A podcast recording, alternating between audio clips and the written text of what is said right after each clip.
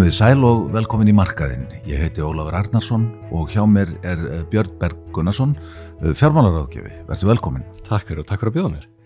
E, þú ert nýverið komin af stað sem sjálfstæður fjármálaráðgjöfi en þú hefur lengst af, þá hefur þú starfað innan stórs fjármálafyrirtækis.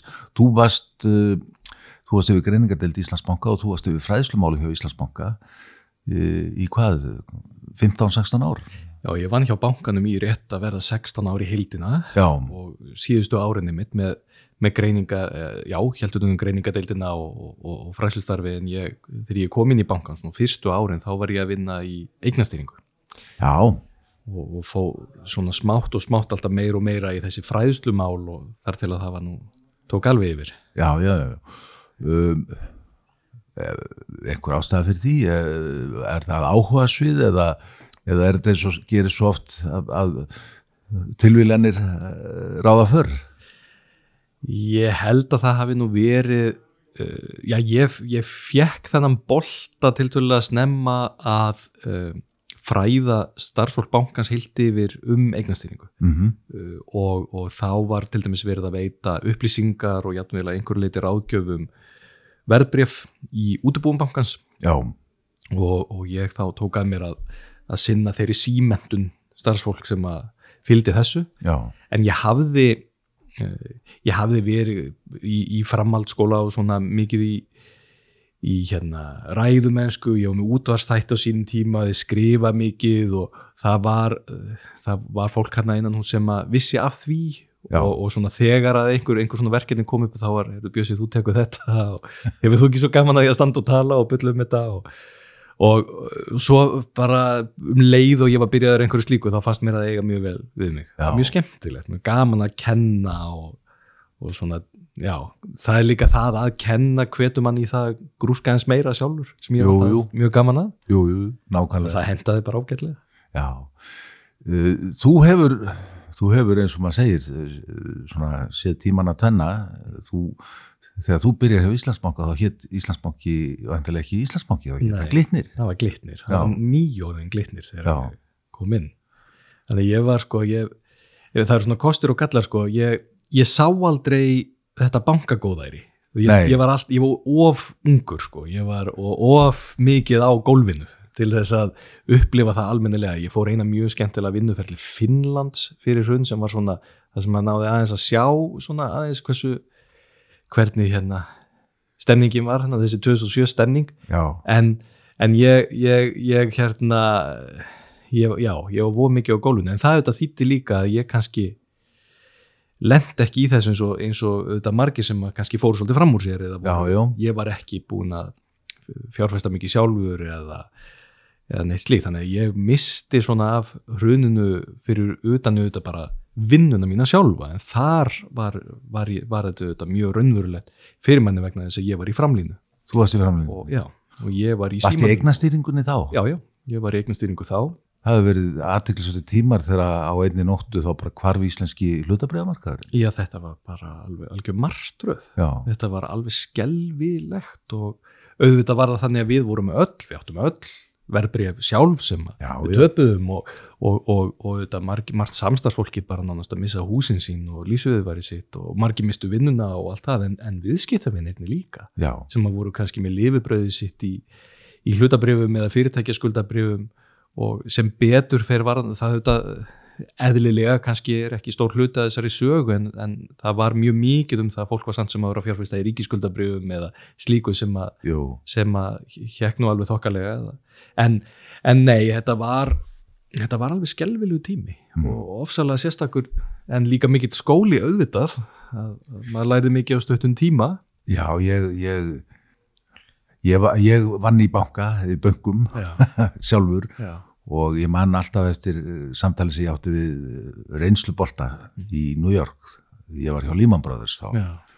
og e, þessi ágætti maður sagði við mig sko það þú vilt, þú vilt e, tala við bankamenn sem að hafa ekki bara sér góðari Já, einmitt. Einmitt, ég held að það sé alveg hárétt Já.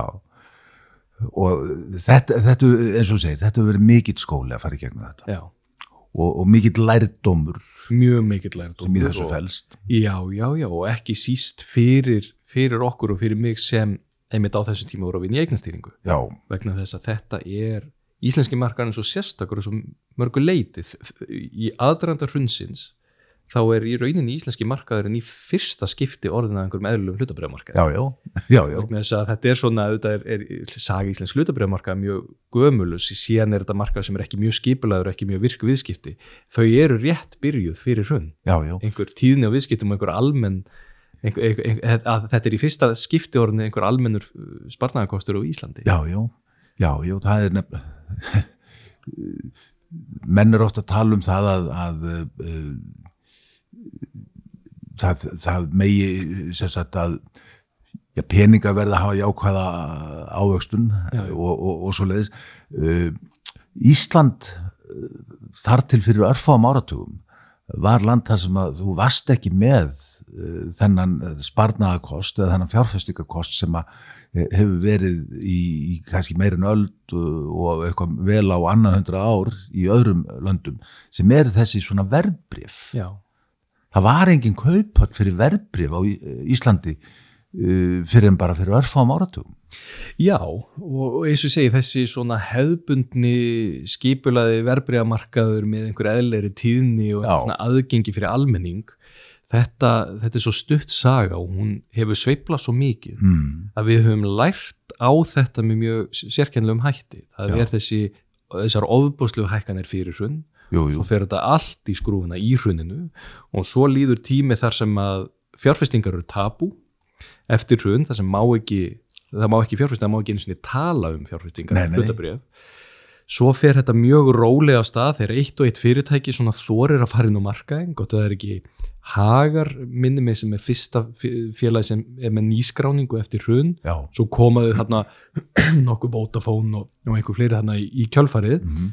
Og svo sjáum við það í aðdrand, rétt í aðranda COVID þegar vextir fara að lækka talsveit rætt, Já. talsveit mikið þá er ekkert upp úr neina að hafa sem eru örugt, þannig Nei, að peningar og gríðarlega kaupmáttaraukning á Íslandi og mikið góðæri og peningar fara að flæða inn á hlutabriðamarkaðin, allt í einu er allur almenningu búin að skipta um skoðun, þetta er ekki tabu lengur, heldur eiga allir að hlaupa inn vegna þess að allir að græða svo mikið. Já, já, og svo lækkar þetta aftur núna, við erum að fara í gegnum mjög óeðlileg tímabil, COVID var mjög óeðlileg já, tímabil. já.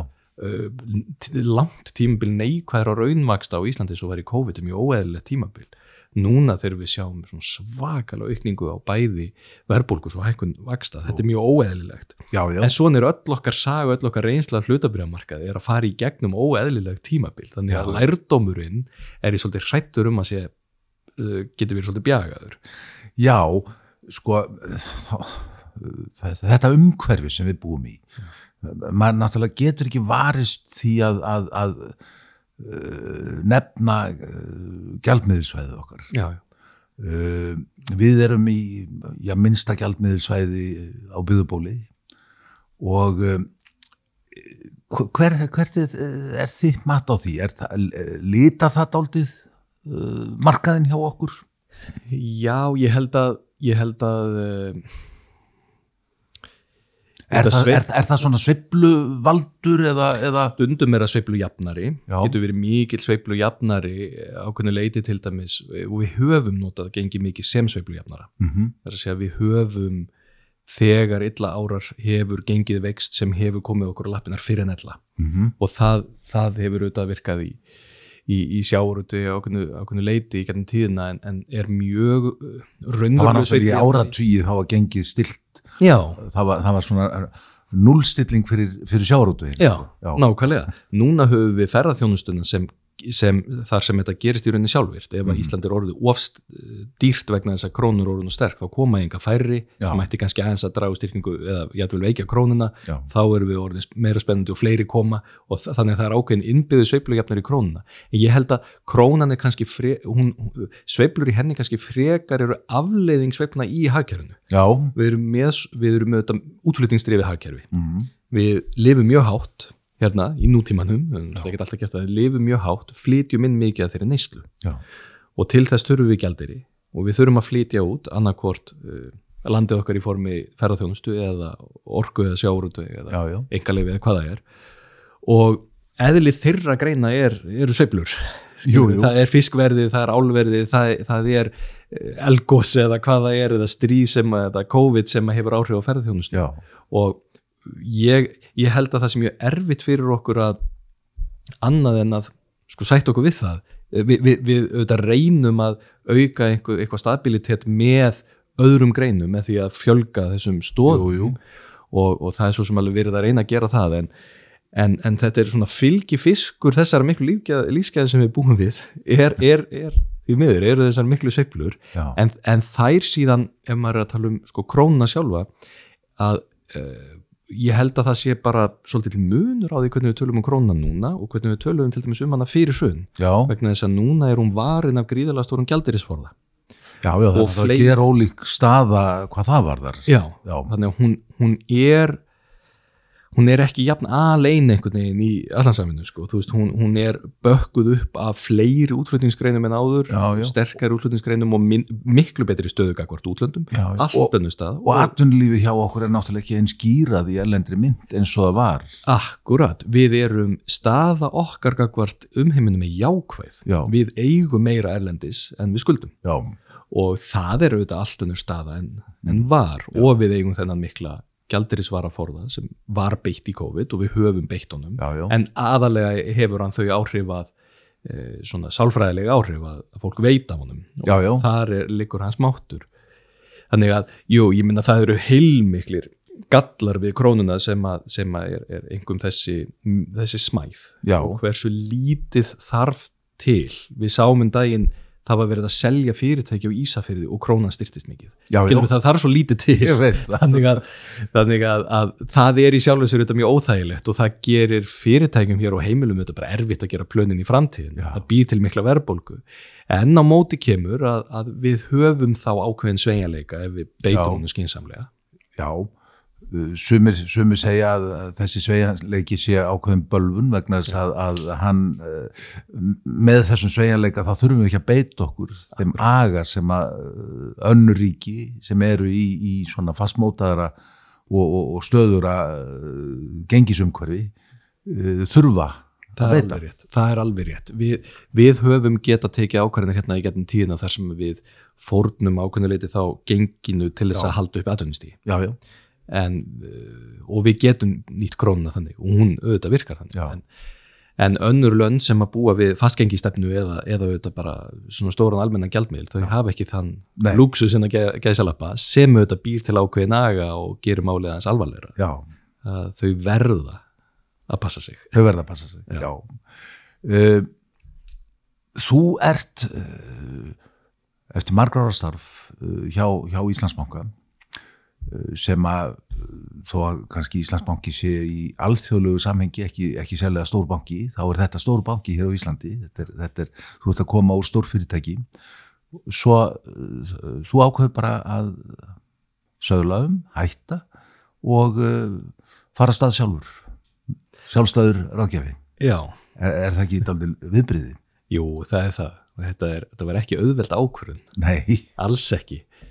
Uh, en það er ég held að það sé gott og heilbrygt að taka stórar ákvarðinir á eigin fórsendum stundum er, er, er heilbrygt að mann sé ítt í einhverjar áttir en, en þarna fannst mér það kostur að, að ég gat svona litið á þetta þannig sem að, að uh, það þetta var bara orðið tímabært í rauninni og mér leið vel með þá ákvörðun og, og, og tímasetninguna.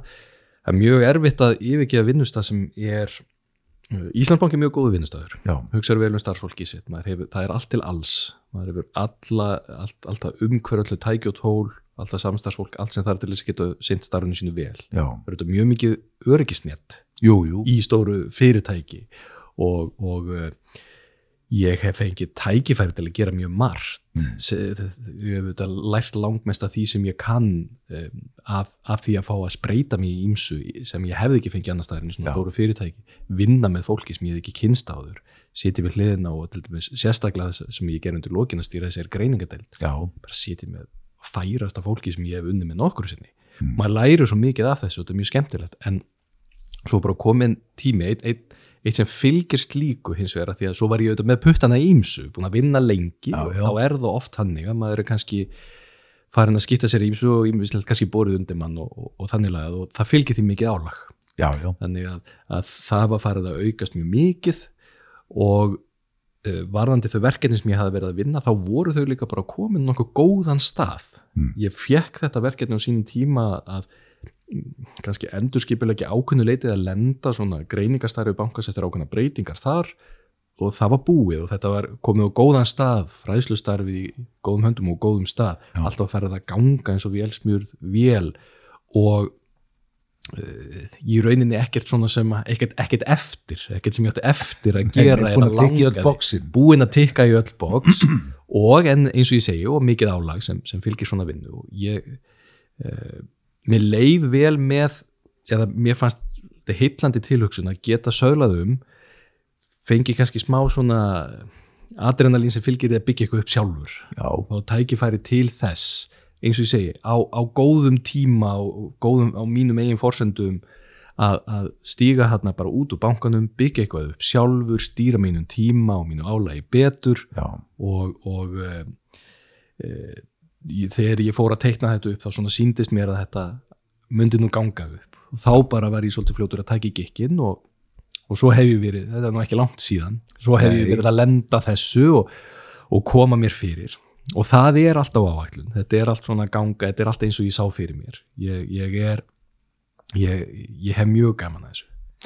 Og, og uh, hvað ert að gera? Já, góð spurning Ætli það sé ekki svona tveir þriðju af, af, af þessari vinnu námskeiðahald Já, myndi ég halda. Já. Ég er að, að halda námskeið bæði sjálfur sem ég bara sel inn á og svo eru fyrirtæki félagsamtöku að, að kaupaði mér námskeið mm og uh, það er aðalega um lífyrismál já, það er nú svona það, það sem ég hef kannski hvað helst uh, sérhæft mig, það er Já. lífyrismálum starfslokamálum uh, almannatryggingum og slíku, þannig ég þekki það, það mjög vel. Já, og það er mjög mikið um það að, að, fyrir, lang, að langmestu leiti það er langstæstu hluti tíma sjá mig núna er það að fara á vinnustæði og, og ræða þar, taka djúb, stór og mikil góð ítalið námskeið mm um fyrir kannski 55 ára eldri um Já. hvernig starfslokk eru, hvað þarf að hafa á hreinu, hvað sveigjarleikir í bóði já, hvernig nærðu yfirsýn.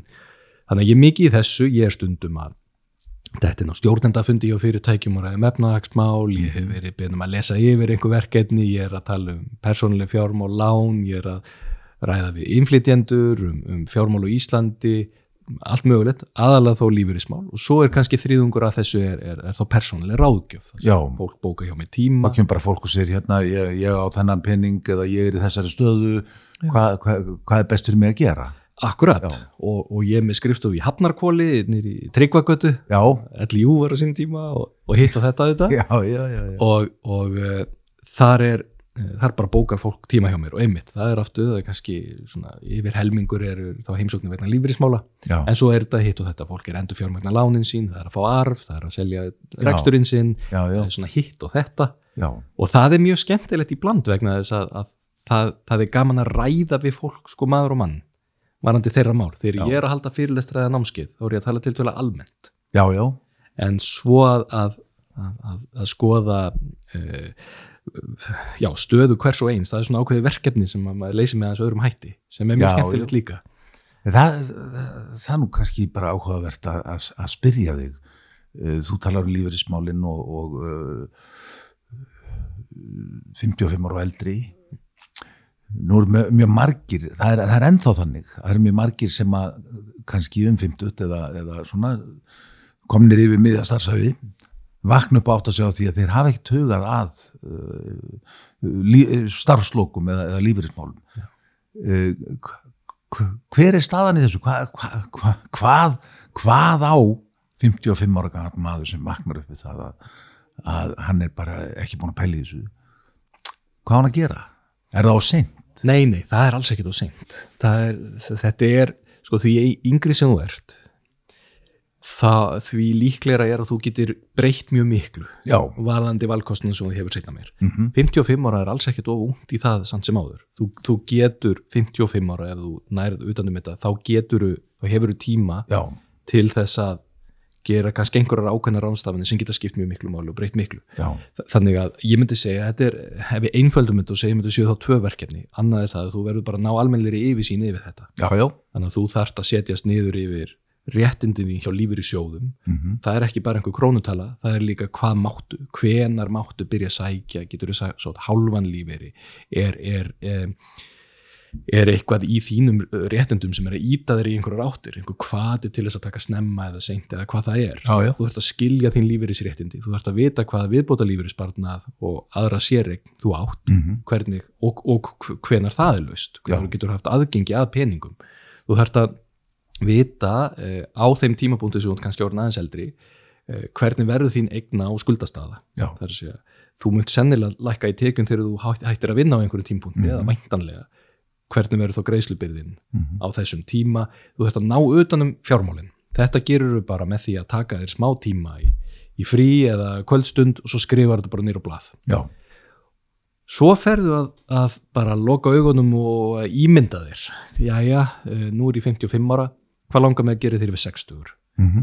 Kannski veist ekkert hvað þér langar að gera þá, en þú veist samt eh, hvaða valkosti þú myndir hugsanlega vilja geta valið um. Mhm. Og ég hugsa þetta sjálfur, en talsveit lengri í þetta hjá mér, en ég get samt hugsað, ég, ég veit ekki nákvæmlega þegar ég verð 60 hvort ég vilji vinna þessa sömu vinnu, Mhm. hvort ég vilji vinna jafn mikið, hvort ég vilji vera vinna meir í fjárvinnu eða ég veit þetta ekki, en ég veit að ég vil ekki vera settur inn í eitthvað ferli sem bara allir Íslendingar eiga að fara inn í. Já, Nei, já. þú skalt bara vinna þar til út 67 ára afmæli, þá er þú orðin lífur í stegi. Ég, ég vil ekki að þetta sé eini valkosturinn. nei, Þannig að ég hugsa, já, já, um, sá valmöguleiki að hætta að vinna fyrr, sá valmöguleiki að fara í hálft starf, sá valmöguleiki að fara í starf sem er skemmtilegra en borgar ekki jafnvel. Allt, allt þetta kostar peninga. Já, já, Það kostar allt peninga. já, já. Og kannski þýðir það að ég þarf að leggja eitthvað til aukalega, kannski þýðir það að ég þarf að vera svolítið kreatífur í því hvernig ég blanda sama lífyristöku og vinnu. já, Kannski ætla ég þá að hætta fyrr, eða minka við með starflutu allir taka þá lífyrir aðeins og móti Mhm. um, það er allt hægt það er bara misjant hvað það kostar mikið já, og þegar þú ert farin að, að uh, ímynda þér þessa kosti þá er alveg til reiknivélar þar sem þú getur farið að föndra svolítið. Já, já, getur farið að velta fyrir þér, já, já, hvernig myndi þetta líti út, hvernig myndi þetta líti út?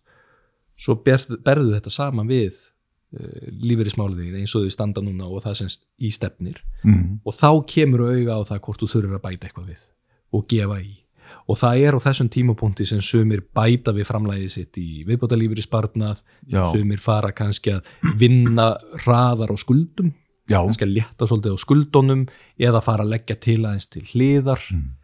og ég hef uh, auðvitað stundum hitt fólk sem hefur gert þetta og er, er núna sem sagt að hætta að, vinna en, en hafið þið kveikt á perunni fyrr? Ég hef aldrei hitt neitt sem sér eftir þessu.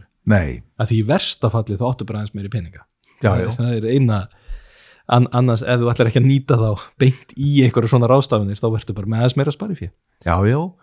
Maður heyrir hryllingsögur af fólki sem á sérregnarsparnað og, og uh, er að uh, hefur hugsað hann svona til að taka út þegar það er hætt og kannski fólk komið við sjötu svo fer fólk að lendi alls konar svona já, refsingum Já. út af því já, uh, sérregnarsparnaður, er það bara eitthvað sem fólk á að taka út þegar það er sextugt? Eða, nei, nú var verið að, flækja þess, svari við þessari spurningu til muna um síðustu árumót já, virkilega, nú er þetta bara orðið flókið og ég hef reynt eins og ég geta svona finna leiði til þess að einfalda þetta eitthvað en, en þetta er bara flókið. Eh, einfaldasta útgáðan til þess að svara því er viðbótar lífyrirsparnaður Mhm. er ein tegund sérnarsparnaður já, það er þessi frjálsi sparnaður sem við leggjum til og fáum svo mótframlega frá vinnuveitandi já, viðbótar lífyrirsparnaður er ennþá uh, undanskilin skerðingum uh, við úttekt hjá tryggingastofnun sem að þú getur tekið út að viðbótar þú- lífyrirsparnaður það- eru ekki refsað, uh, Nei. það er ekki lítið á það sem tekjur uh, sem eru frátrátt að bæra þá frá, frá annarkvort frá tryggingastofnun eða, eða frá sem sagt úr þessum almennu lífyrirsjóðum. Já, það, akkurat, það er tryggingasjóðunir sjálfur skerðast aldrei. Uh, lífir, lífyrirsjóður Lífeyri- segja já. uh, lífyrirsjóðurinn þinn skerðist aldrei. Nei, tryggingastofnin er tekjutengt já, og hún skerðist vegna flestra tekna en ekki vegna viðbóta lífeyrispartnaðar Já. það er alveg klárt. Viðbóta lífeyrispartnaðar eins og reglunar eru í dag já, er ekki að hafa áhrif á tryggingastofnun. Þannig að ef, ef þú spyrð þarf ég að taka út viðbóta lífeyrispartnað þegar ég er 60 eða áður en ég hægt að vinna? Nei, nei, þú leifir honum bara vera eins og þú vilt. Já, hann erfist að fullu, hann er óaðfararhæfu við gjaldþrót, það er engin fjármastekju skattur af áhugstunni, engar skerðingar vegna áhugstunnar og en hann er, hann er eh, samt reiknaður eh, sem tekjur þegar þú tekur hann út, sko, hvað skattunum er það akkurat, þannig að fólk það þá að hafa það í huga, Já. nú erum við með það er gríðalegt stökk á milli skattrefana Já, og þau eru orðin ila fjögur ef við tökum persónaafslátti með. Já, já, þannig að það, við þurfum að spyrja okkur þegar við erum að taka út stóra fjárhæðir þá þurfum við að spyrja okkur er ég að skjótast upp um skattref já, varandi alla aðra séreign hins vegar, ef við erum að tala um bundna séreign, tilgreinda séreign Já. séreignar hluta lámarsýðgjalds frjálsa séreign og skildusbarnaði þetta, þetta heitir ímislegt, já, já, öll þessi séreign skerðir greiðslur tryggingastofnunar frá með síðustu áramótum. Mm, og þess vegna er í rauninni verið að íta fólki sem á þannig séreign í það að taka hana út áður en það sækjur um hjá tryggingastofnun. Ekkert endilega fyrir ykkur nákvæðin aldur nei, en áður en það sækjur um hjá tryggingastofnun. Sem er þá, uh, sko, já, hvað, uh, er það þá ekki síðasta legum sjötugt sem að það er, eða hvernig, uh, hvernig virkar þetta? þú mátt sækja um hjá tryggingastofnun uh, já, í síðasta lagi við áttrætt þú ræður Já. sko hvenna sem er frá 65 til já, máttu sækja um og í, í, í langflestum tilfellum er þetta þannig að fólk á ekkert að koma nála tryggingastofnun, nú er ég bara að tala um ellilífi, ég er ekki að tala um örorkulífi nei, nei, nei, nei, að fólk á ekkert að koma nála stofnunni fyrir, fyrir en það er hætt í fullri vinnu. Já, fyrir en launatekjur eru komnar undir 200 skall á mánuði. Mhm, og eftir að þú ert búin að ganga frá einhverjum svona einhverju sem hefur hangið yfir þér. Það er, já, er búið að gera upp við í vinnunni einhverja lokagreiðslu, þú ert búin að taka út svona sérregnarspartna, þú ert búin að taka arð út úr rekstrinu þínum, allt svona já, ganga frá einhverju eignasölu. Já, þú klárar alla svona hluti þegar allt er búið þegar allt er orðið svona uh, komið í fastar og eðlar skorður einhvern veginn þá ferðu að, að í fyrsta lagi að velta fyrir því tryggingar. Já, já, en þetta veit fólk ekki. Og þetta, það, þetta kerfi er bara tiltölulega flókið. Þetta er nefnilega uh, mjög flóki kerfi og, og ég skal alveg, alveg viðkynna að, að maður, maður uh, stendur bara og gapir sko, frammi fyrir þessu Já. það er bara eðlilegt og ég held að flesti gerir það og, og það er ágætt að koma á óvarta því að þetta er þetta er ekki þetta er ekki skemmtilegt umræfni heldur þannig að maður, maður dettur ekki inn á kaffistofu og það er verið að tala með uppbyggilegum hættun lífur í smál það er, það er, það er yfirleitt bara í upprópunum og maður læri svo sem ekkert á þeim. Nei, nei, en, en svo gerist það líka oft og það er nú einn helsti gallin með lífeyriskerfi hérna heima er að það er stanslust verið að breyta því. Já, stanslust. Það voru tvær breytingar gerir á tryggingastofnum í sumar og einu síðustu árum og það er alltaf verið að breyta. Og þessar breytingar verða til þess að upplýsingar verða úreldar mjög hratt. Já, og flestir því miður eru að sækja sínar upplýsingar á kaffistofuna í vinnunni eða í útvarpið og er að fá Facebook gamlar upplýsingar er að fá gamlar upplýsingar. Já. Þetta er mjög algengt. jafnvel bjagaðar gamlar upplýsingar Já. já, Og ég er ekki að segja að fólki á kaffistofunu sé að reyna að plata náungan nei, nei, en þau, þau eru að reyna að hjálpa en þau eru að, deil, þau eru að segja ég hjálpaði mömmu með þetta fyrir þreymur árum þú þarfst að passa þau á þessu já, svo kemur fólk stundum til mín og segir uh, þetta, er, þetta er ekki óalgengt fólk segir, veistu ég veit ekkert hverju ég á að trúa þessi sagði mér þetta, þessi sagði mér þetta Já, já. þessi sagði mér þetta og þá kemur oft í ljós að það er verið að deila einhverjum gömlum upplýsingum það Já. er búið að breyta kerfinu og oft tekur fólk ákvarðanir byggðar á raungum upplýsingum Mm. kostar mikið vegna þess að lífeyrismál þetta eru tekjunar okkar hérna í frá já, já Þetta en er þetta ekki vond er þetta ekki vond umhverfi að sé alltaf verið að ræra í þessum uh, reglum Jú, mér finnst það, Já. mér finnst það og, og það er alveg klárt að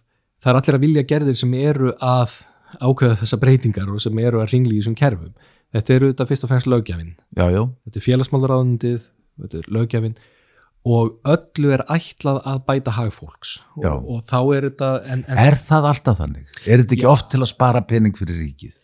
Já, já sko, ef svo er þá sé ég engin merki um það þennjast út með þýlingur hraða þessi kerfi að það er alveg magnað að fylgjast með því já, en, en uh, ég meina trygging, greiðslar og tryggingastofnir á aukist um 10% bara frá áramótum sko. þetta, er orðið, þetta er þetta er rísastort kerfi. En, uh, og það er eðlilegt að það sé deilt um þetta vegna þess að bara ellífiri tryggingastofnunar er cirka 10% af fjárlögum Já. þetta eru gríðarlega fjárhæðir sem um ræður og það áarífast um það. Já, já. En- þessi tala bara uh, hækkar því að, hækkar því bara og hækkar aldursamsetning þjóðarinnar uh, hún, hún er bara að fara í einu átt. Já, það, þetta akkurat, nú mynda nú verður mjög, mjög áhugavert að fylgjast með jafnvæginu sem verður þarna á. Að annars vegar eru lífeyristegar að hafa það betur og betra af sínum lífeyri. Og hver árgangur eða e, á hverju árinu sem líður verður fólk 67 ára sem á aðeins betri lífeyri. Og það er vegna þess að við getum í rauninni skiptið sér tvö tímabil fyrir 1990 og eftir 1990 jú, jú. Og e, gamall lífeyrir hann brann upp í verðbólgu hann, það var bara greitt af dagvinnulaunum. Já, já, sjómenn fengur bara tryggingunni. Já, einirkjar, uh, þeir þurfti ekki að borga og svo var ekki eins og verið að fylgja eftir og skömmtuðu sér allt og lítið. Þannig að það, það er það er sára lítil það er sára lítil verðmæti í gömlum líferi já, kannski fyrir 1990 núna með hverju árinu sem líður vegur það minna og minna og minna er fyrir þetta verður 1990. alltaf þingra og þingra fyrir ríkið uh, meðal annars vegna þess að, að það er alltaf fleiri og fleiri sem vinna hjá ríkinu Já, já, svo er það það, sko, það er alveg rétt. En það sem gerist með því að lífeyririnn er betur og betri er það að tryggingastofnun er þannig samsett vegna skerðinga, vegna tekjutengingar. Og hún ætti að þurfa að greiða hverjum og einum minn og minn og minn og minna já, vegna þess að þeir hafa það betur og betur og betra. Og móti kemur þetta sem þú ert að nefna, okkur, með, okkur er að fjölga. Já. Mjög mikið, sem sagt, aldurspíramítin er að fara að vera þannig að þegar ég leita hann síðast, þá sá ég að um, þegar ég fer á eftirlaun, þegar ég verð 67 ára, þá verða lífyristegar á Íslandi tvöfalt hærra hlutfall þjóðarinnar en þeir eru í dag, sem er gríðarlega breyting. það er mikil breyting Og tryggingastofnun er ekki sjóðsöfnunarkerfi þar sem að ég hef greitt inn skattana mín og þeir eru geimdir og teknir út þegar ég þetta er gegnumstreymis er gegnumstreymiskerfi. já, Þannig að það, þetta verður þingar, þess vegna er eins gott að lífeyrissjóðinir okkar muni bera okkur uppi vegna þess að tryggingastofnun mun ekki geta það. já, En, en uh, hvernig þetta jafnvægi verður, ég efast um það að tryggingastofnun muni minka. já, Ég held að, að uh, ég held að hún muni alveg áfram vera mjög áberandi í fjárlögum, hún já. stór og mikil. já, En hvað hlutfall lífeyrisfólks varðar held ég að muni draga úr, úr mikilvægi hennar. já, Og hún verði meira örgisnet heldur hún núna. mm, Já, núna er hún framfærsla mjög margra. Eh, Það er, það er bara nánast allur almenningur sem er komin á aldur er að fá greiðslur frá tryggingastofni hverju mánuði. já, já það verður ekki þannig. Nei, nei.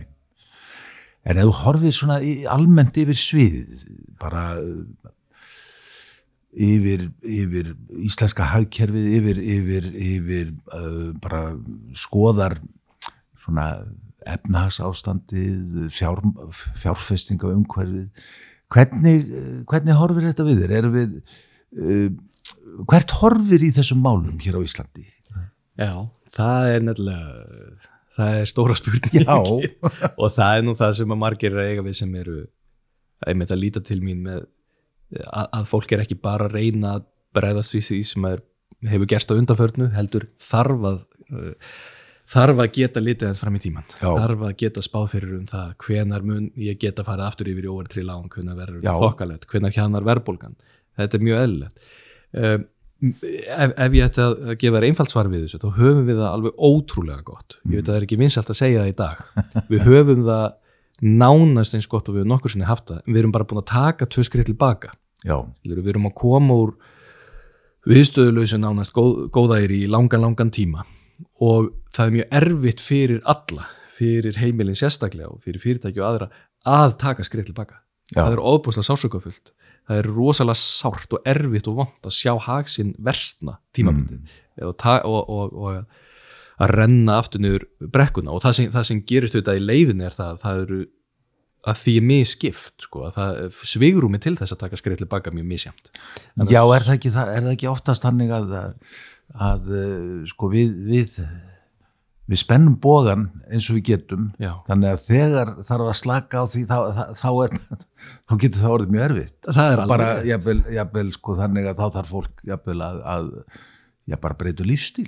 breyta um lífstil, gera mjög kostnaða saman varandi sín lán og, og, slít, alveg klálega og það eru margir sem að munu fara í gegnum þennan, þetta vonandi stutta tímabil eh, með mjög miklum kostnaði sem að það er að borga yfir langan tíma. Mm. hilt yfir hins vegar þá, og ég segi, ég veit að það er ekki vinsælt að segja þetta en við höfum það alveg ótrúlega gott hérna.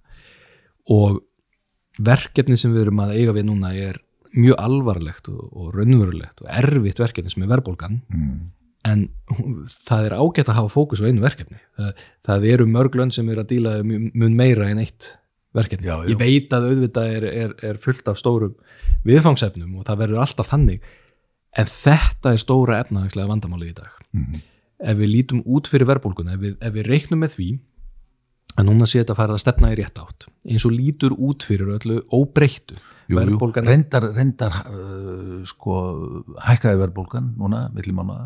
já, það voru þetta mjög mikil vonbriði Já, það kom öllum óvart, allar Já. greiningardeildi byggust við Já. henni gagstaða. já, byggust við lítilsátt á hjöðnun en, en það eru sveiflur í verðbólgunni sem að já, ef við, ef við lítum á svona, ef við lítum kannski aðeins lengra ef við, ef við, ef við lítum kannski tólmánuði fram í tíman þá þarf hans mikið að klikka til þess að hún hjaðni ekki já, já, já, já. það er vissu, en, en hún er ekki að fara hjaðna hratt vegna þess að það er ímislegt sem er alltaf að tóa hann upp á sama tíma og annað er að tóa hann niður. Já. eitt af því sem er hreinlega að tóa hann niður er bara stóri mánuðir í, frá því í fyrra er að dett út úr mælingunni. Jú, jú, jú, þannig að það hjálpar okkur. Svo eru svona einskiptis hlutir eins og uh, mikil verðbólga í Evrópu sem hefur gengið tilbaka en við erum hægt að flytja hana inn uh, og húsnæðisverðið sem er hægt að hækka svona miklum hraða Reyndar, reyndar verða þannig að, að, að uh, ársverðbólgan eða 12 mánuða verðbólgan núna Já. uh, 7,7% já, með húsnæðisliðin inni já, já, 7,6% Já. þegar húsnæðisliðurinn er, er uh, undaskilin Akkúrat. þannig að, að, að húsnæðið er enn aðeins að íta upp já það, það gerir það bara með það var þannig að að það var að vaksa kannski á tvöföldur hraða með við Já, já. að verðbólgu og tógaði okkur svo miklum hraða upp. Já, núna er um, kostnaður við húsnæði eins og afborganir, það, það er inn í þessari, sagt, þetta heitir reiknu húsalega, þar eru við með húsaleguna þar eru við með kostnaðin en húsnæðisverðið, svo til dæmis á höfuborgarsvæðinu hefur verið að gefa svolítið eftir. Það þarf ekkit einu sinni að lækka neitt, það þarf bara að hætta að hækka svona rætt já en svo, svo þegar við hjálpar. komum að þessari reiknuðu húsalegu. Já, þá, þá gerist aldrei áhugavert Já. sem er að, að þegar vextir hækka þá hækka afborganir á lánum Já. þannig að reikna á húsalegan og vaksta hækkanir sælabankans Já. valda hækkun húsnæðisliðarins já, já, í þessu sko, Í þessu. akkurat, það er alltaf eitthvað að, að, að hækkun maksta og þeim toga niður verðbólgu og býr til pínuleg, einhverja verðbólgu já, annars staðar já, já, þannig að það kemur ekki að fullu í, í lækkunina en ef uh, ef framheldur sem horfir þá ætti verðbólgan áfram að verða mjög há en að, og þa það er jákvætt að við séum þó minnstu kosti að stefna í, í rétta átt yfir næstu 12-24 mánuði. Já, það er forsenda þess að vextir geti hækkað eða verði hækkaðir. Og þar, þar maður alltaf lækkaði mennur lækkaðir, Já, já, já, já, lækkaðir. Og ég held að maður þurfi stundum að, að að temja sér varandi svona spár að reyna að segja, já núna er ég nú sit ég í peningastöfnend nú er ég ekki ég sjálfur, Já. heldur nú er ég að hugsa hvað eru jákvæðar fréttir frá sjónarhólu þess sem situr í peningastöfnend já, já, og þá eru það til dæmis þegar jákvæðar fréttir af kjærasamningum í vetur í þeirra augum Mm. eru kjæ, eh, launahækkanir.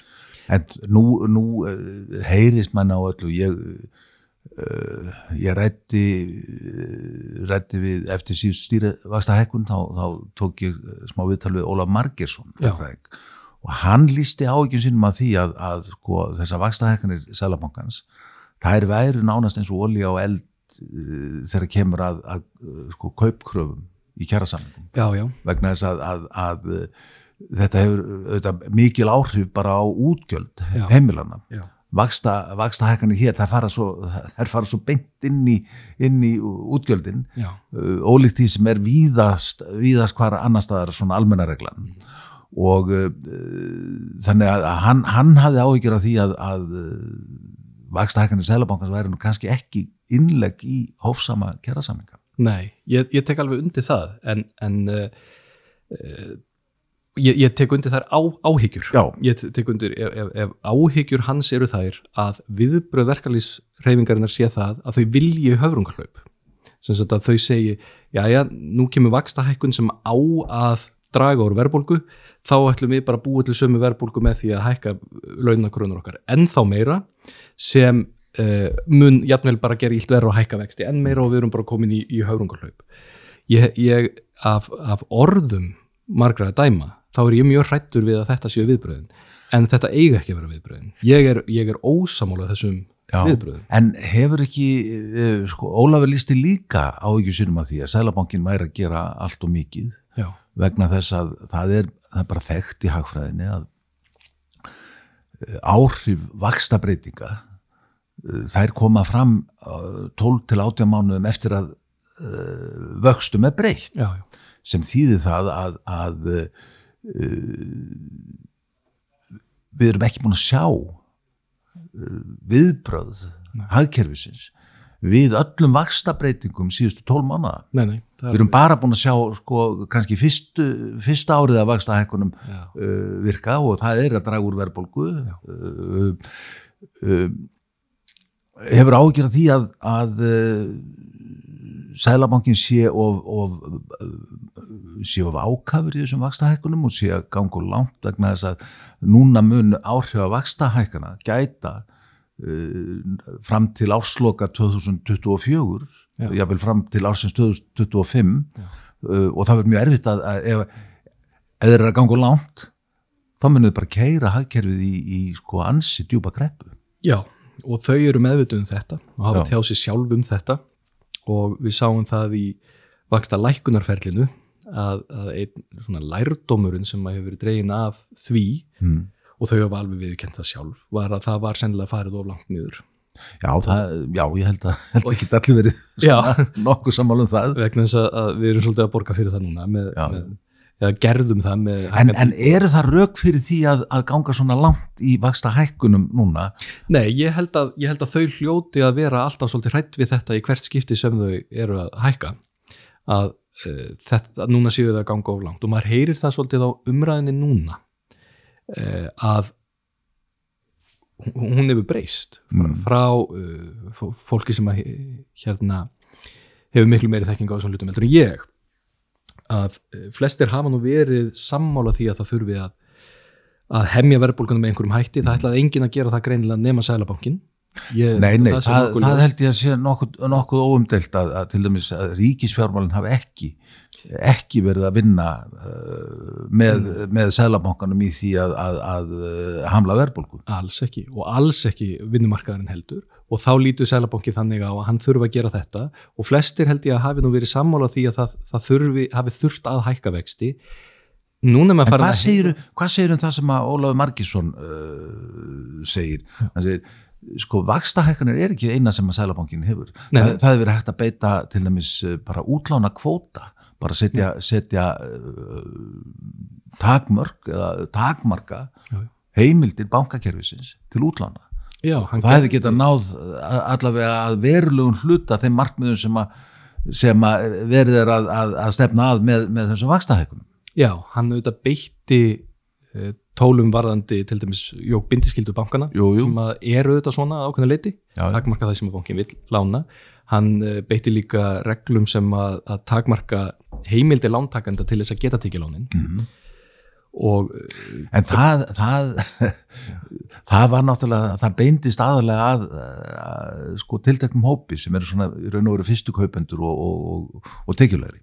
já, og þeim sem ætluðu að kaupa mjög dýrar eignir sem að hefði ekki geta komist í gennum vegna þess að láni má ekki vera umfram eða semst afborgan er ekki umfram eitthvað ákveðin mörg Já, svo höfum við auðvitað það sem er ákveðin galli hérna er að fólk getur alltaf þá bara rent sér yfir í verðtriðaláni og þá kemst það í gegn. Jú, jú. en, jú, en uh, já, ég held að það sé mjög mikilvægt að við notum uh, ég kann ekki við tónin sem er oft í, uh, ég er ekki að segja að við komum til hægfræðingu sé bessi við sér en það, en það er oft svona tónin eins og allir aðri séu vitlýsingar Mm, og fólk sem situr í peningastættin nefndi að vinnur í sælabanka hafi ekki kveikt á perunni mm. eða viti ekki hvað þau eru að, að gera og það er En það hefur orðið ákveðin stefnubreiting sínismanni hjá peningastefnulegnd. Nú hafa Nú hefur verið skipt um að það tveir farnir út og tveir Já, já, og, akkurat. og, og það er svona heyrismanni almennt álitið að þarna hafi farið út uh, dúfur Já. og komið inn haukar. Já, já, það er einmitt mjög áhugavert af því að þetta þetta er, þetta er manna verki sem vextir og það Já, eru persónlegar ákvarðanir fólks. En, en þessi, þessi breyting í tóni sem maður heyrir í, í hérna varandi, við, eh, varandi sagt, viðbröð fólks við þessu vakstahækkunum er að það eru meiri efasemdir einmitt um vakstahækkunar núna en voru. Já, og við heyrum það frá uh, já, frá ýmsum aðlum að núna séum við komin á þann stað að þessar vaksta hækkanir geti verið að fara að hafa áhrif inn í framtíðina mm. sem já, annars er eins og Sælabankin hefur sjálfur sagt að vil náttúrulega ekki þurfa að keira okkur nýri í kreppu með vaksta hækkunum en, en svo er annað sem er það að þetta gæti búið til endurtekna verðbólgu setna meir já, vegna þess að eitt, eitt eru tölur á blaði og, og hvað fræðin segja um að hækkun valdi einhver ákveðin og lækkun búið til eitthvað ákveðin síðan er það raunveruleikin þegar að, þegar að vextur til dæmis orðin það háir að verktakar hætt að byggja. Já. Og við erum að sjá það svolítið og núna húsnæðið hefur náttúrulega verið sko ráðandi þáttur í að, að, upp verðbólgu hér að Nákvæmlega. undarfæri misseri. Já, og ef, ef svo fer, ef við, ef við bara ímyndum okkur uh, það að uh, núna sé það þannig að, að verktakar sem eiga hérna lóði segi, veistu, ég er hættur núna. Ég ætla ekki að fara að fjármagna uh, einhverja framkvæmdir á 15-20% vöxtum. Ég geri þetta ekki, ég læti ekki bjóða mér þetta. Nei, nei. og þeir býða á sama tíma og þeir eru að býða að þá fjölgar okkur uh, með hraði sem við mikið séð áður. Já, já, og einhvers staðar þarf fólk að búa. Og það verður gríðarleg eftirspurn sem byggist upp. Þessi eftirspurn af fólki sem er að flytja hinga til landsins bætist við þá eftirspurn sem verður til að því að fólk er núna að, að hingra Já, já. með það að flytja eða gera breytingar, flytja heiman, eh, skiptum húsnæði. já, Þetta er líka uppsöfnum þörf sem, að, sem mun losna um þegar vexti læka já, hver verður þá staðan ef þetta raungerist, ég er ekki að segja þetta að gerast en eftir 2-3 ár ef að vextur eru komni niður ofbóðslega eftirspurnir á markanum en ekkert almennilegt frambóð húsnæðisverð mun náttúrulega bara rjúka upp. Það eru, ja, akkurat, og það eru áhyggjurnar. Og hvað gerist þegar húsnæðis verður ríkur? Við erum þá aftur komin í þessa verðbólgu. Og þetta eru ekki áhyggjur sem síst að vegna þess að við náttúrulega við, við reiknum verðbólguna aðeins öðruvísi en, en flestir aðrir uh, með þessari reiknuðu húsalegu þannig inni. já, við tökum, já, akkurat, við tökum alla yngöpu köruna með já, og uh, húsnæðis hefur bara gríðarlega áhrif á, á verðlag á landinu. Þannig að þetta eru áhyggjurættir sem maður er heilt til dæmis hjá samtökum miðnaðarins já, sem, sem vita hvað þau eru að segja þegar þau eru að tala um verktakana. Því að þau eru auðvitað í samtali við verktakana. Við daglegu samtali við verðtakan Já. já, já, að mér finnst þetta mjög eðlar og, og, og uh, áhyggjurættir sem að úr því sem komið er uh, í rauninni gerir vandamálið auðvitað alvarleira já, uh, varandi tímalengdina sem þetta má vara að þessir háu vextir megi ekki vara mjög lengi. Nei, nei. Að það eru orðið gríðarlega mikilvægt og miklu, miklu mikilvægur út af þessu að við náum verðbólgunni niður til dæla rætt, Mhm. okkur gangi mjög vel að ná niður verðbólgunni, sem ætti að vera kvarting til einmitt, ekki bara sælabankans heldur líka vinnumarkaðar eins og, og hins já. að keira nú niður verðbólguna Er og við náum vöxtunum niður. Einmitt, en er þetta, eru við ekki komin að eru við ekki kom, komin á eitthvað svona þjóðasáttar moment sko, eins og var hér fyrir, fyrir rúmum 30 árum? Jú, ég held uh, ég, ég er, er samfæraður um það að þú myndir grípa einhvern aðila hérna Mm. út á götu og spurja værir þú tilbúin að leggja svolítið á þig til þess að við kæmumst aftur á þann stað að vera eins og við vorum með fyrir skömmu síðan í lágum vöxtum og lári Vistu, ég held að núna þegar við fengum í fyrsta skipti Íslendingar að smakka á þessu já, já, að þá höfum við fundið mjög gott bræða þessu ástandi. Já. við verið lágum vöxtum, lári verðbólgu og vonandi einhverjum stöðuleika Mm.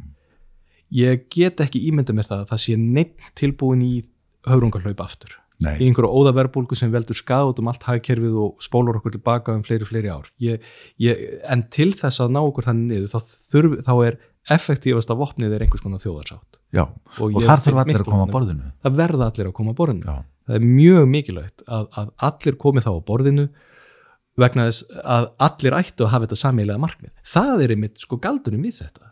Að, að í öllum í öllum samskiptum við annan fólk eða á milli fyrirtæki eða hvað svo sem það er, þá er alltaf mjög auðvelt að, eða ætti að vera mikil kvati til að leysa vandamálum fólki með sama markmið.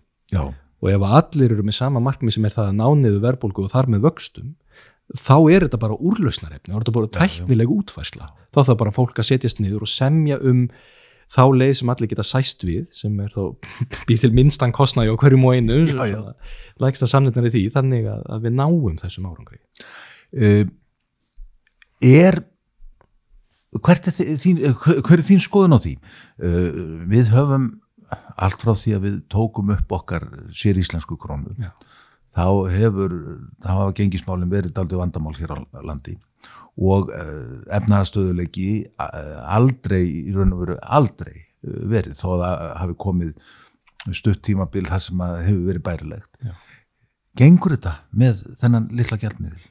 Verðum við að, að verðum við að fara að horfa til einhverjar annarar lausnar? Hvað finnst þér? Ég held að það sé mjög heilbritt fyrir okkur að hafa alltaf uh, að, að vera stanslust að velta fyrir okkur þeim möguleika vegna gallana sem eru á krónunni. Já, Ég, uh, ég ég hitti mannum daginn sem var að mitt að telja upp þetta er bara svona oft til þess að brjóta ísin í samtali þá byrja fólk að bölva því hvað allt sé ómögulegt á Íslandi já, já. og hann fór bara að telja þetta upp það er bara ónýtur gjaldmiðl og, og, og það er allt í lamasessi hérna og óða verbulga og bara fólk á en, en ég, ég, ég svara hann samt samt er nú merkilegt sko að þrátt fyrir hvað allt sé einhvern veginn ömurlegt á Íslandi að þá höfum við það betri en annars allar aðra þjóðir. Þannig að á meðan við höfum verið með hann þessar ofbúsluðu sveiflur og ónýta gjaldmiðl og allt það, Mm. þá hefur samt sko kaupmáttur aukist alveg gríðalega hérna í gegnum árin heilt yfir og við höfum það afskaplega gott. En er krónan grundvöldur Mm. þessara verðmættasköp? Ná, það er, sko, það er á að vera stóra spurningin.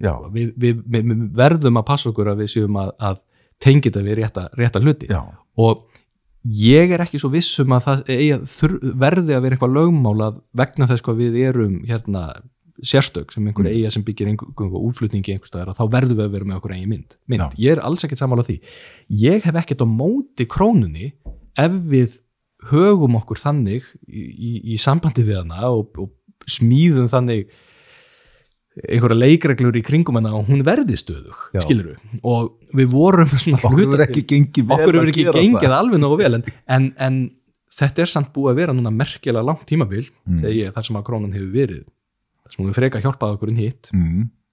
ég held að eins og staðin er á henni núna þá sé hún mjög heilbrið og hraust og sé að hjálpa okkur Mm. ef eitthvað er, ég treysti því ekki að það verði alltaf þannig Nei. það er vandamálið sko uh, Það ég, talaði um náttúrulega að sé gríðalegu kostnaður fólkin, bara viðskiptakostnaður Uh, það, var, það er til dæmis hefur bent á að bara kreditkort að velta Íslendinga í útlöndum, Já. 200 miljardar á ári Íslendingar er að borga 6 miljardar bara í ákveðin krónuskatta því að það er, það er, það er uh, 3% álag Já. á, á kreditkortagengið já, já, og það er þetta, þetta, þetta, þetta er algjör óþarfi. Nei, ég er alveg samanlega því. Ég, ég, held að, ég held að það væru heilmikli kostir sem myndu fylgja því að taka upp aðra mynd með einhverjum skynsalum hætti ef að hagkerfið okkar á þeim tíma væri tilbúið í það. Já, já. Við getum ekki gert það í dag. Við Nei, erum ekki nei. tilbúin fyrir slíkt. Ég held að það væri heilbrið, ég held að það myndi fylgja því mjög heilbriður ægi Já, en ég er ekki mjög ég er ekki mjög ákveðin, ég er svona svolítið loðan í þessu, ég, ég vil ekki svara spurningunni ef einhver segir, eigum að taka upp evru núna ég get ekki svarað þessari spurningum með já eða nei Nei, nei. ef þú myndir bjóða mér hérna case, sko, Já, full já. mótað Já, já. á hvaða forsendum, á hvaða gengi munum við skipta yfir og allt Já, saman já. þá getur vel verið að eh, ég er allavega alveg mjúku fyrir þeirri framtíð mér, ég, hérna, mér þykir ekki þannig vænt um krónuna sem einhver, einhver hlut að, nei, nei að, að það sé eitthvað vandamál sko að henda henni einhver tíman sko. Nei, nei, ég held að það en ég held að sé mjög, ég held að sé mjög óheilbrygt að um, festa sig í því að vil ekki hugsa um það. Já, já Það held ég sé mjög óheilbrygt mm því að, að þetta er ekki þannig.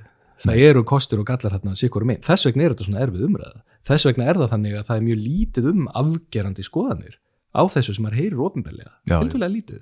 Ég held að sé vegna þess að þetta er uh, já, þetta, þetta, ef það eru farið af stað í að skoða þetta almennilega sem ég held að væri mjög æskilega Já, að þá myndum við fá skýrara uh, svona skýrara konsept til þess að taka afstöðu til. Já, frekar heldur en bara spurningun, eigum að taka upp evru? Já, eigum að taka upp evru, alveg sama hvað það kostar? Já, alveg sama hvað það kostar, eigum að halda krónu? Já, alveg sama hvað það kostar, Já, þetta er ekki heilbröðum Nei, nei, þetta, hún hefur daldið verið þarna umræðan. Já, en uh, við, erum búin að fara vítt og breytt núna um, um alls konar fjár, já, fjármála umhverfi, efnahagsumhverfi en uh, þú, þú hefur nú gert fleira á, á þínum ferli en að, að uh, sinna, sinna fjármálum og, og fjármálaráðgjöf og fræðslu á því sviði. Þú varst, hvað, stjórnaformaður hústýrakarsins? já, já. Segðu, segðu mér aðeins frá því. Já, það var, það var alveg uh, það var svakalega skemmtilegt og frábært tækifæri að fá. Þetta er nú orðin held í áratugur síðan ég vann á sínum tími í hústýrigarnum Já, og aðalega reyndar í fjölskyldugarnum já alveg rétt, þetta er fjölskyldu hústir Já, já, og þetta er auðvitað, þetta er auðvitað sama, sama einingin en svona starfsfólkinu svolítið skipt. Já. Þannig að ég hef nú örglega bara gert allt þarna. Ég hef sko þrifið klósitin, ég hef steikt hambúrgarna, ég hef selt miðana, ég hef verið nætuvörður, ég hef gefið guttormi, ég, ég hef gert þetta allt saman. Já, já, já, já. og hérna málaði og þannig að ég vann þarna í, í nokkur ár uh, og svo skrifaði ég uh, BS-rítgerina mína um skipulagi og garnum. já. Þá var Dagur B. Eggertsson formaður skipulags og, og byggingaráðs eða hvað það hétt hjá Reykjavíkuborg já. þar sem dagurinn hann var borgarstjóri og e, það átti þarna að skoða möguleikan á því að, að stækka garðin til suðurs, þess að ég átt að suðurlandsbraut. Já, já, já, já. Það er bara svona stórt og mikið svæði sem hefur bara ekki Bara yfir, yfir, yfir veginn sem að liggur þarna Já. já, Já. já. yfir bara og inn á grasbalan sem hefur verið þarna fyrir ofan og uh, hann, hann svona, já, hann allavega óskaði eftir því að það er aðeins svona kafa onni í það uh, hvað geti verið þarna. Já. sko, ef að garðurinn er skoðað við vorum tveir félaganir og sem að báðum, báður höfum unnið þarna í garðinu sem að vöndum okkur mikið við þetta og kynntumst mikið rekstri garðsins. Já með því að skoða þetta og þetta var þá auðvitað stort og mikið verkefni sem stóð til að fara í. Þetta er auðvitað fyrir hrunn, já. síðan er auðvitað hætt við allt saman það breytist náttúrulega allt í hrunnu breytist allt í hruninu þannig að það var ákveðið að hætta við allt saman. En, en uh, þegar að það kom að því að reyna að finna einhver það var verið að skipa hérna í nýja stjórn í hústyrkjandi þryggjumanna stjórn að þá var ég bara tilnendur og var ég bara, bara hringdi mig og spurt hvort ég hefði áhuga á því. Að því að ég hefði þarna þekkingu og, og, og reynslu og ég var mjög heppi með það að, að sko ég, ég kom þarna inn og með mér í stjórn voru tveir menn sem voru mjög reyndir. Já, mjög reyndi, annar var, var eh, hafði verið frangotastjóri stjórnmálaflokks og, og, og hérna mjög reyndi, þekkti pólitíkina mjög vel, annar var verktaki, þekkti Já. mikið svona praktísku hlina af, af, af frangöndu sem við þurftum að, að fara í. Uh, en svo auðvitað líka mjög reynd fólk sem stýrði í já. starfsfólki í garðinum hafði verið þarna lengi. Þannig að, að þarna fekk ég tækifæri til þess að hafa auðvitað smá skoðanir á því hvernig þessi garður sem ég þóttu svona væntum mætti hvert að þetta stefna og, og, og svona hvað hva ætti að gera og, og það, það var mjög áhugurt en það sem ég kannski læriði helst af því vegna þess að það var ímislegt mjög gott sem við gerðum náðum að, náðum að gera við, það, við, við í fyrsta lagi, þetta var í fyrsta skipti sem var útbúin sérstök stefna fyrir garðinu, ég er bara um hvað á að gera? Er í lagi að taka bara einn hvaða dýr sem er eða hvaða tífólítæki sem er? Já. þarf ekki að vera eitthvað konsept, einhver hugmynd þarna, eitthvað sem á að gera? Og, og uh, svo var, fórum við að bæta aðkomi fallara í veitingasölu, breyta veitingasölu breyta verðstruktúr. Ég, ég hérna, lærið markasfræði master í markasfræði þannig ég mér fannst svona ímislegt var þetta verðstruktúr áhverð þannig að þarna kannski líka miðlaði ég kannski ákveðinni þekkingu inn og, og, og fekk mikið á móti. En það sem ég lærði sem var mjög áhugavert var það, og svo kemur að því að það eru kostningar og það er, er eh, besti flokkurinn tekur við borginni, já, já, já. Jón Gnarr er orðin borgarstjóri. Og Jón Gnarr óskar eftir því að verða stjórnaformar hústýrikarsins já. og ég, þarna fer ég út og er búin að vera tiltölulega snemma. Og ég bara man eftir sko tilfinningunum sem fylgdu þessu, ég hugsaði þetta er búið að vera svo skemmtilegt. Bölvað, um, ömulegt að fá ekki að halda áfram hana, en svo hugsaði ég samt var ég samt ekki búinn að gera allt sem ég ætlaði mér? Já, já. Veist, var, ég ekki, var ekki búið að vinda úr mér allt sem var hægt að vinda úr mér á þessum tímapunkt já. og hann kemur þarna inn sem maður með þetta allt aðrar hugmyndir miklu betri tengslu í miklu betri aðstöð til þess að geta gert eitthvað fyrir garðin já. Og á þessum tímapunkti þá gjör breyttist viðhorf mitt almennt til stjórnastarfa já. sem var það að ég held að það sé bara mjög mikilvægt að þessi skiptum reglulega. Já. ekkert endilega einu bretti allan sýti ekki bara uh, í sama stólnum í, í, í mörg ár uh, Nei, að það sé róterað já vegna þess að þetta er ekki fyrir þá sko. Nei, þetta nei. var ekki fyrir mig, Nei, fyrir stjórninni. Var, þetta er fyrir garðinu, það var eins gott að sé eitthvað upp úr mér að hafa. Já, og um, auðvita er ákveðin partur af þessu sem getur skipt miklu máli sem er reynsla já, já, og það, þess vegna þetta má ekki alltaf vera að skipta öllum út. Það sé mikilvægt að halda í einhver ákveðna reynslu. Mm. en það að fá inn ferst blóð í stjórnir fólk sem að lítur aðeins öðru á hlutina er með önnu tengsle, með aðrar hugmyndir já, svo klárar það bara. Svo er það bara búið að gera það, það hefur enga nýjar hugmyndir, það er bara búið að klára. Þá færðu aðra inn. Ég, ég er, er þeirra skoðunar eftir þetta að það hefur verið mikið heitla skref fyrir hústýragarinn að losna með mig á þessum tímafúndi Þú meinar að það, það, það getur verið heillaskref fyrir, fyrir uh, já, hústýragarða og, og, og aðra starfsemi Já. að fá, fá fersblóð Já, algjör, Já. ég er sannfærður um það. Þetta eru, þetta eru góð loka orð á, á fjármála spjall okkar uh, Björn Berg Gunnarsson þakka fyrir komuna, Miklu freka, takk fyrir mig. Góður hlustendur uh, við verðum hér aftur uh, af vikuliðinni